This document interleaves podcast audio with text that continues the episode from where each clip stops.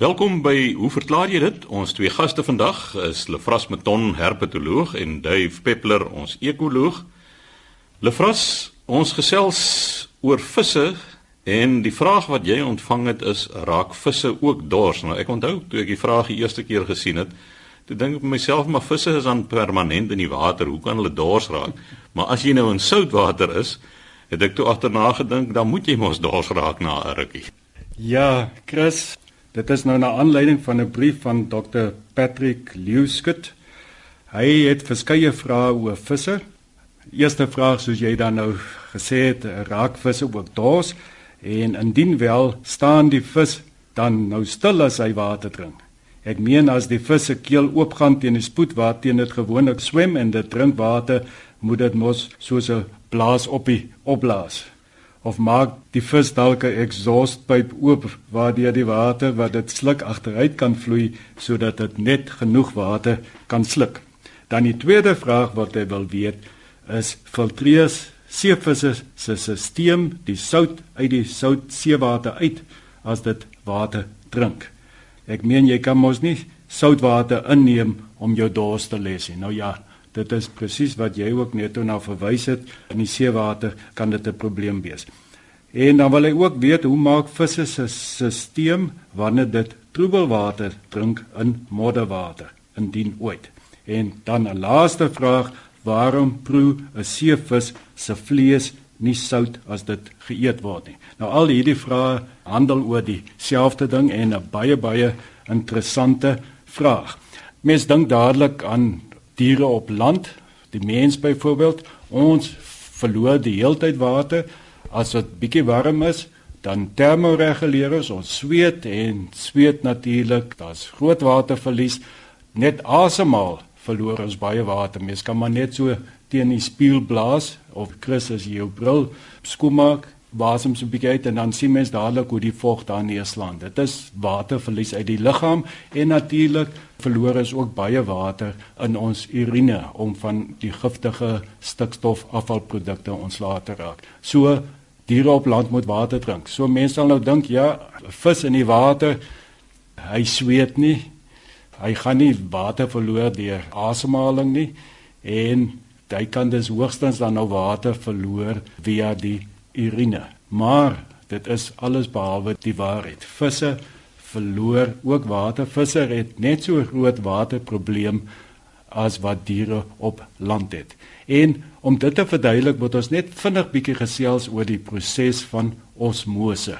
Dit is 'n baie eenvoudige proses en dit sê net dat water sal altyd beweeg as daar 'n deurlaatbare membraan is van die kant waar die konsentrasie, die soutkonsentrasie laag is na waar die soutkonsentrasie hoog is. Met ander woorde, water beweeg, daar's 'n sterk krag vir die water om te beweeg. Ons noem dit osmotiese druk of osmotiese krag. So wanneer 'n vis in water is, die soutkonsentrasie van die vis is gewoonlik maar 'n derde van die seewater se. So daar gaan hierdie krag wees vir water om uit te beweeg uit die vis uit om daardie soutkonsentrasie in die see te verdun. En dit gou skiet oor die kiewe.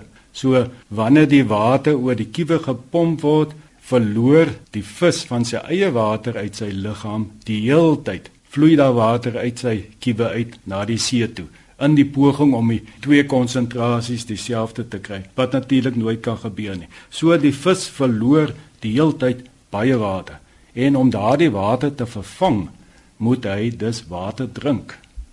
En nou ja, uh, vis maak ons maar die hele tyd sy mond oop en toe om die water oor die kiewe te pomp. En so dit is nie dat die water altyd invloei in die spysverteringskanale nie. Nee, die slukdarm is afgesluit en is net wanneer hy water sou drink dan kan hy hom oopmaak of wanneer hy wil eet dan gaan die kos in, dan word dit weer toegemaak en verder word die water maar net die hele tyd oor die kiewe gepomp in by die mond deur die kiefsplete uit na buite.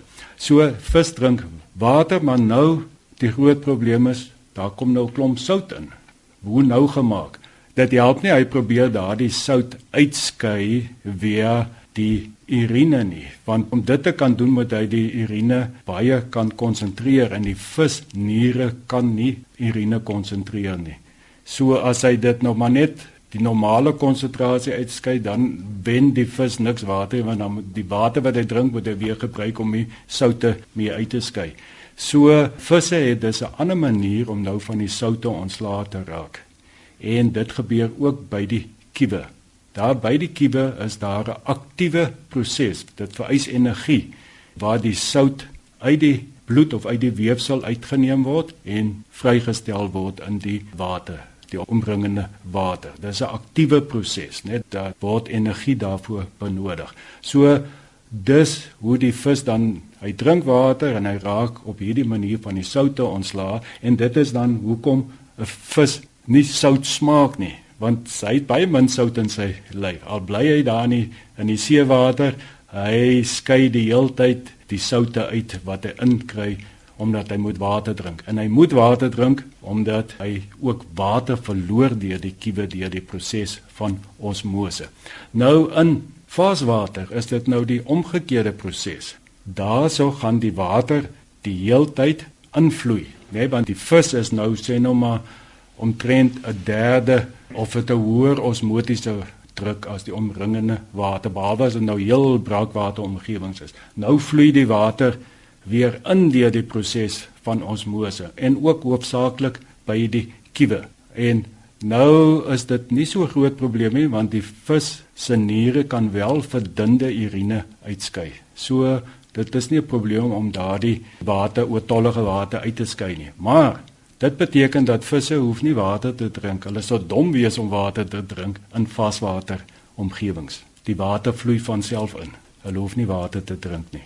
En die probleem daar is omdat hulle nou water voortdurend uitskei, verloor hulle ook maar 'n redelike klompie soutte in die proses saam met urine. So by vaswatervisse kry ons dan weer 'n aktiewe opname van soutte uit die omgewing om daardie soutte te vervang. Nie dat daar baie soutte in die vaaswater is nie, maar daar is genoeg soutte. So, dit is 'n redelike interessante proses en wat waarskynlik nog dit meer interessant maak is die feit dat haie, jou kraakbeenvisse het 'n baie unieke meganisme ontwikkel sodat hulle nie water verloor deur osmose nie. En wat hulle maak is hulle stoor afvalprodukte van stikstof afvalprodukte urium stoor hulle in hulle weefselvloeistowwe en dit verhoog dan die soutkonsentrasie of die osmolariteit van die vis se interne vloeistowwe. En dit beteken dat dit is dan omtrent dieselfde as seewater sin so water gaan dus nou nie uitvloei uit hulle liggame uit deur osmose soos in die geval van jou gewone beenvisse nie. So as mens haie eet enige van die kraakbeenvisse dan het jy nou 'n bietjie van 'n probleem want daardie weefsel is vol van hierdie urium. Nou ek het nou nie opgelees daaroor nie. Ek sal graag wil hoor van die vissermanne wat maak mens met kraakbeenvisse want mense eet mos haie. O, duif, jy kan my help. 'n uh, Ou boereraad is om hom te week in asyn. Nou ek weet nie wat die chemiese reaksie is nie, maar asyn neutraliseer die smaak van erium, 'n ligte asyn oplossing. Die vleis raak so effens wit buiteom, maar dan raak hy nogals baie eetbaar. Dave was ek daarby kan aanvul. Ek onthou jare gelede het ek op Gansbaai 'n hele paar keer haai biltong gekoop. So ek vermoed hulle laat lê daardie biltong ook in die asynwater nie. Kyk, haai biltong as jy hom kou, jy weet, jy moet 'n sterk konstitusie hê want dit is 'n baie geurvolle vleis en dit is spesifiek die um, smaak van erium. Maar as jy hom wil kook, kan jy haai baie netjies voorsit as jy hom so 'n uur of wat net in 'n ligte asyn as oplossing laat lê. So, Douta sal nog net een vraagie wat ons moet beantwoord. Dit sal baie vinnig gaan. Dit gaan nou oor die modderwater. Visse wat nou in modder of troebelwater lewe, dit sal vaswateromgewings wees, so hulle gaan nie baie water hoef te drink nie, maar hulle gaan nou altyd water inkry wanneer hulle eet. Nou daardie water wat hulle inkry, beland in die spysverteringskanaal. Nou die vis se stelsel sal baie dom wees as hy nou al hierdie modderpartikels sou absorbeer in sy bloedstroom. En so daardie modder word maar uitgeskei saam met die fisies agter. Maar Nou het ek al gehoor dat baie van hierdie moddervisse het so 'n modder smaak. So lyk my die hele proses werk nie heeltemal so goed nie. Doodreg, ek dink dieselfde oplossing vir haie geld ook vir moddervis of vis wat na modder smaak. Is 'n ligte asyn oplossing wat jy hom 'n bietjie inlos en dit neutraliseer ook die smaak. Maar lefras dan as 'n mens kyk na die omgekeerde funksie tussen vars en seewatervisse, kan 'n mens 'n verskil in die niergrootte en funksie optel? Kyk, die niere speel nie werklik 'n groot rol in osmoregulering as sulks nie in vaswater omgewings gaan hulle nou baie meer urine uitskei, maar dit is verdunde urine. Dit is nie dat daar nou werklike strukture nodig is om dit meer effektief te maak nie. Dit is net dat daardie niere is nie effektief in seewater want hulle kan nie gekonsentreerde urine uitskei nie. Sover my kennis betref is die niere funksie is maar baie dieselfde. Dit wat wel verskillend is is die aktiewe vervoer van soutte wat by die kiewe plaasvind. Kyk want dit is twee teenoorgestelde rigtings wat dit moet plaasvind. So daar moes 'n redelike verskywing plaasgevind het. So om op te som dus, visse raak wel dors as hulle in seewater lewe, dan moet hulle water drink. As hulle in vaswater lewe, nee, hulle drink nie eintlik water nie en water gaan invloei van self deur die kiewe sonder dat hulle beheer daaroor het en dan moet hulle van daardie water ontslaa raak en hulle doen dit deur verdunde urine uit te skei. Ek kan dalk net iets sê soortgelyks dat paddas het natuurlik dieselfde probleme paddas wat in vaaswater lewe water vloei ook die heeltyd in Hulle drink nie water nie en dan moet hulle ook daardie water weer uitskei. En dan paddas wat in droë omstandighede lewe, buite water, het hierdie unieke manier hoe hulle water drink. Want hulle moet nou die water uit klam grond, daardie bietjie klammigheid wat in die grond is, moet hulle die water uitkry. En hulle kan dit nie drink nie, hulle kan dit seker eet, maar dan kry hulle 'n klomp grondhoek in saam met die klammigheid. So wat hulle dan doen, hulle gaan sit met daardie klampvelle van hulle op hierdie grond en dan beweeg die water uit die grond uit deur die proses van osmose deur die vel na binne. So hulle drink eintlik water met hulle hele vel. Dit is eintlik baie interessant. Die vras vir my nog meer boeiend, jy ken seker die Mopani padda, daai bleek spookpadda. Nou ek het hulle al gesien teen die Limpopo, jy weet waar die temperatuur 40 grade is. Dan sit daai padda met sy wit vel in hy sit plank in die son. So padda velle is merkwaardige strukture wat ook toelaat dat vog uit die omgewing opgeneem word, maar in sekere gevalle die dier absoluut isoleer teen uitdroging. En dit was dan Lefras Meton wat vir ons verduidelik het of visse ook dors raak en hoe les hulle daardie dors. Dave Peppler is volgende aan die beurt. Dave, jy het 'n vraag ontvang oor kraaie en kraaie kan ek maar net sê, dit lyk dit vir my kom dis daar reg oor Suid-Afrika voor. Chris, ja, Pier van Belwel skryf die volgende brief. Dankie vir die program. Ek is baie hartseer skryf hy oor die geweldige toename van kraaie in ons land en die gepaardgaande al hoe kleiner wordende getal van voeltjies in die natuur. 'n Paar maande gelede toe ons deur die Karoo ry, het ek 21 kraaie in een swerm getel by Koelsberg en vir 'n afstand van meer as 190 km het ons geen ander voëls as kraaie gesien nie. In Belwel waar ons woon, het ek al gesien hoe 'n kraai 'n nesie van 'n klein voeltjie beroof en die kleintjies opeet met 'n skreeuende ma voeltjie wat niks kan doen nie. Die getal kraaie in die Wes-Kaap neem so toe dat uh, ons vir die grootste deel van die dag iewers 'n kraai of soms 'n hele paar in die lug kan sien op soek na 'n nes of na eiers van voeltjies. Daar's twee vrae wat ek wil vra. Is ek verkeerd as ek dink dat slim mense te lank gewag het om iets te doen aan die saak omdat dit vir my lyk of die duisende skilpaadjies en voeltjies wat hulle daagliks eet dekades lank gaan neem voordat dit die getalle weer kan herstel. De Vras, jy kan dalk daarop kommentaar lewer. Die gedagte om kraaie te vergiftig het al by my opgekom, maar ek is te bang vir die probleem van sekondêre vergiftiging. Sal dit 'n gevaar inhou as ek formalien gebruik in eiers wat nie 'n gif is nie en slegs die kraai wat daarin eet sal doodmaak? Dankie vir u aandag Nou ja, 'n aantal rooi vlaggies en 'n paar groen vlaggies te gelyk styg by my op. Maar Peer, kom ons begin dan net eers gou en plaas die kraaie in konteks. Kraaie is van die mees suksesvolle voëls op aarde. Hulle kom in 'n familie voor met die naam van Corvidae en hulle is kosmopolities. Daar is net die pole, die uiterste pole waar hulle nie voorkom nie. Die hemel weet alleen net waar jy kom is daar kraaie. Daar is um, meer as 120 spesies en ons ken hulle in Suid-Afrika net as kraaie, maar die Engelse benaming het rooks. Daar's rook pie, jackdaws. Ek het nou al die goed gesien, die jay, die een met die mooi blou vlerke, magpies, chaff wat in die alpynse gebiede voorkom en nutcrackers waaroor vermoedelik nou al ook 'n klein ballet geskryf is. Hulle is bekend as die mees intelligente, hulle is meer intelligent as papegaaie en ek sal nou verduidelik hoekom. Een van die slimste diere op aarde, een van die min diere, slegs die bonobo en die orang-outang kan hulle self erken in 'n spieël, maar kraaie ook. Hulle kan individue in 'n spieël erken. Dis nie sommer net 'n ding wat jy pik soos 'n mossie teen 'n wildop nie. Hierdie kraaie weet na wie hy kyk. Hulle brein tot liggaamsverhouding is in die orde van die gevorderde ape en walvisse en slegs 'n klein bietjie kleiner as die van die mens. Hulle het verbasende groot breins. Hulle het groot, sterk pote, baie sterk bekke en hulle snaaks genoeg hulle verveer net eenmal 'n jaar. Passeriniformes van die voëls wat sit met die voete wat twee maal 'n jaar verveer.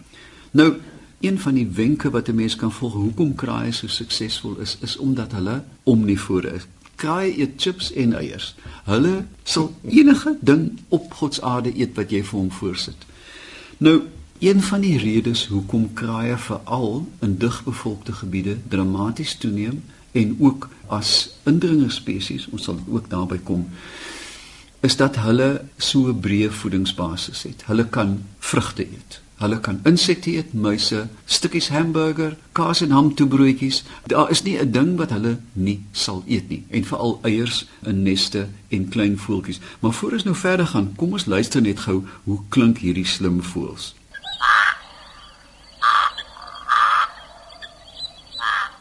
Die gewone witborskraai, dan die Kaapse kraai,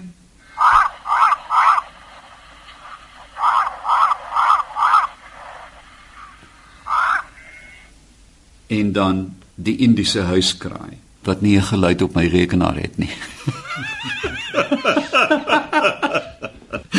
Jammer. Die meeste en ek gaan die meeste van hom hou. Die laaste een. Dave, ek dink dit is tog belangrik dat ons net daarop let dat die meeste van die kraaie wat ons nou oor praat is inheemse spesies. Daar's wel indringers. So 'n mens moet nie met woede of haat omgaan. Dit is ons eie diere eie tot Suid-Afrika. Lefrasie raak nou aan 'n ding wat die tweede deel van Pierre se vraag aanhaak, weet die gedagte om kraaie te vergiftig. Ek staan daagliks verbaas in my omgang met die publiek is dat meeste mense dink dat alle kraaie is indringers. Ek weet selfs mense met 'n goeie veldkennis beskou die kraai as 'n indringer. Ons het inheemse kraaie wat hier voorkom, jy weet 3 of 4 spesies. Een van die kraaie, die uh, Indiese huiskraai, is 'n indringersspesies, maar ons moet eenvoudig aanvaar dat die kraaie was lank voor ons hier en hulle is deel van die weefsel van ons voelbevolking soos enige ander mossie. Hulle is eenvoudig opportuniste en hier begin dinge verkeerd gaan omdat die mens die omgewing so dramaties aanpas. Ek dink ons het al voorheen ook hieroor gepraat dat daar tog die laaste klomp jare asof daar hierdie ontploffing is. Want die mense is al lankal hierso en ons het al lankal chips en dit en al hierdie afval goede wat hulle nou kan gebruik as voedselbron. Maar ek dink dit is 'n eksponensiële groei van die populasie wat mense miskyk. Mense soek mos nou 'n reglynige funksie. Doodreg. Ek het lank hieroor nagedink. Ek het 'n vermoede lefras as 'n mens om jou kyk en kyk 'n bietjie in die Kaap waar die kraaie dramaties toeneem dat die middelklas Die armes kan nie bekostig om ryk kos te eet nie. Die rykes kan bekostig om arm te wees. Maar die middelklas is besig om al hoe meer gemors kos te eet. En en gevolglik sien mense dit net in die gewigtoename van die bevolking spesifiek in die Wes-Kaap.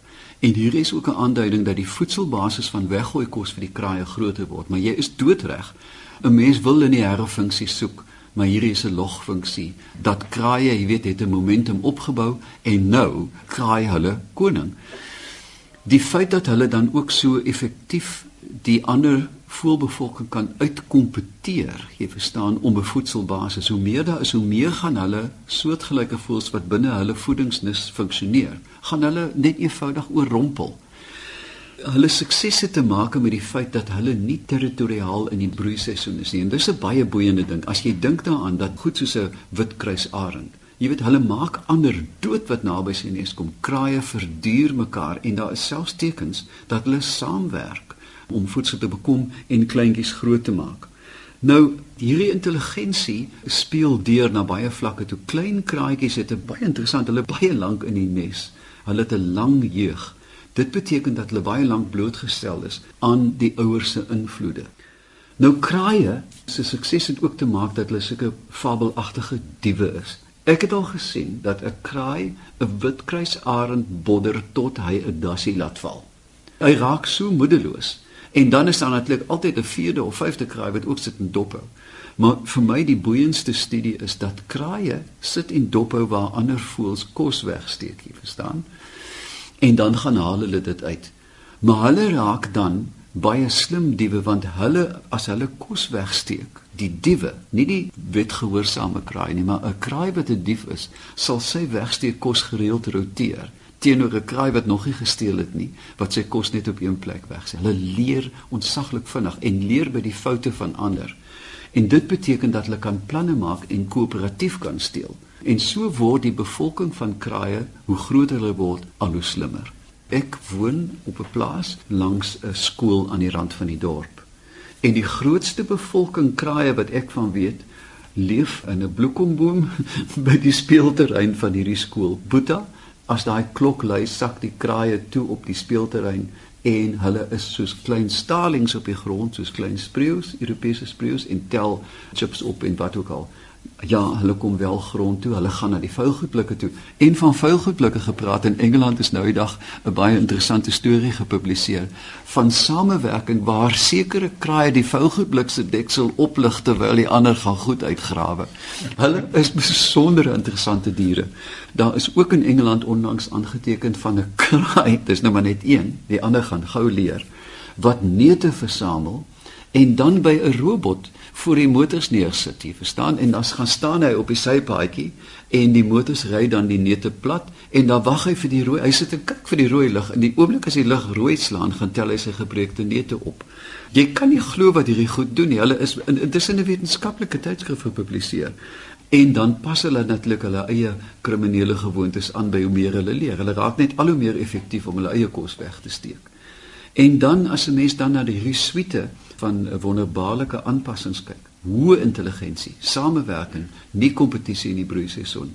Peer, is dit geen wonder dat die kraaie se toeneem nie. Ek wonder net hierdie toename in kraaie, is dit nou meer by beboude gebiede en nie homogeen oor die omgewing nie? En indien dit dan nou so sou wees, dan is die druk op ons inheemse spesies nie so hoog as wat die vraag nou daar vra nie, want die werklik bedreigde spesies is daar in die veld waar daar waarskynlik nie baie kraaie is nie. Mens moet natuurlik ook onthou dat die SAIK het toe ek kind was vir Hans en Maas gehad twee karakters die kraaie van die nasionale paaie. Die nasionale paaie is weggooi plekke en dit is hoekom kraaie so goed doen en natuurlik baie diere word doodgery. Hmm. En dan filtreer die stadsbevolking as hulle versadiging bereik natuurlik via die paaie die binneland binne, sou mens dink, jy weet hierdie floating population. En dan kom dit neer daarop dat via die paaie ontdek hulle 'n bevolking van skilpaaie ensovoorts en dan kry mens hierdie slagting wat ons al van tevore oor gepraat het waar letterlik duisende, honderde of duisende skilpaaie deur 'n groep, 'n diskrete groep kraai. Dis nie almal wat dit doen nie. Ons moet dit onthou dat hierdie is idiosinkratiese gedrag, dit ontwikkel plaaslik en nie alle kraaie doen dieselfde ding nie. Omdat hulle omnivore is, kan hulle eintlik net 'n impak hê of nie eens 'n impak nie, hulle gebruik net voedselbronne wat ook volop is. En daarom hulle eet baie skilpaaie, maar dit is dan die skilpaaie wat baie volop is, jou rooi pen skilpaaie in die, in die Weskaap byvoorbeeld. En daai het hulle nie 'n impak nie. Dit is maar lokaal as jy gaan tel hoeveel skilpaaie daar is, dan is deel 100 skilpaadjies wat nou gevang is deur 'n paar kraaie is niks seggend. Ek dink 'n mens moet baie versigtig omgaan met emosie as dit kom by hierdie soort van ding. Jy weet die foto van soveel klein skilpad doppies wat daar lê, jy weet ons dink aan die blink oogies en 'n skilpaai nou kon skree, jy weet die geluitjies en so aan. Hierdie is deel van 'n baie natuurlike voorkoms. Ons praat van twee inheemse spesies met 'n wisselwerking. Daar is 'n digtheidsafhanklikheid tussen die twee en die bevolking van skilpaaie en die van kraaie sal sinkroniseer en wissel met tyd en droogte. Ek weet natuurlike gebeurtenisse gaan dit hewig verskuif na beide kante toe. En dit bring 'n mens natuurlik by die gedagte om kraaie te vergiftig. As dit spesifiek Indiese huiskraai is en jy kan seker maak sal ek saamstem dat hierdie goed uitgeroei moet word want hulle het 'n baie sterk voordeel as gevolg van hulle gedrag. Hulle verdring selfs ons inheemse kraaie. Nou ja, niemand wil gif in die natuur gooi nie, maar as daar 'n manier is om hierdie diere dan selektief uit te haal, sê ek ja. Maar om kraaie in die algemeen nou te begin blameer, dit is nie hulle skuld nie, dis ons skuld dat die bevolking so hoog is. As ons sinvol lewe, in sindelik lewe en ons goed weggooi, goed gooi waar dit hoort, gaan ons nie hierdie probleme hê nie. So gesels Dave Pepper, ons ekoloog. U is welkom om te skryf aan hoe verklaar jy dit? Posbus 2551 Kaapstad 8000 of stuur 'n e-pos aan chris@rsg.co.za.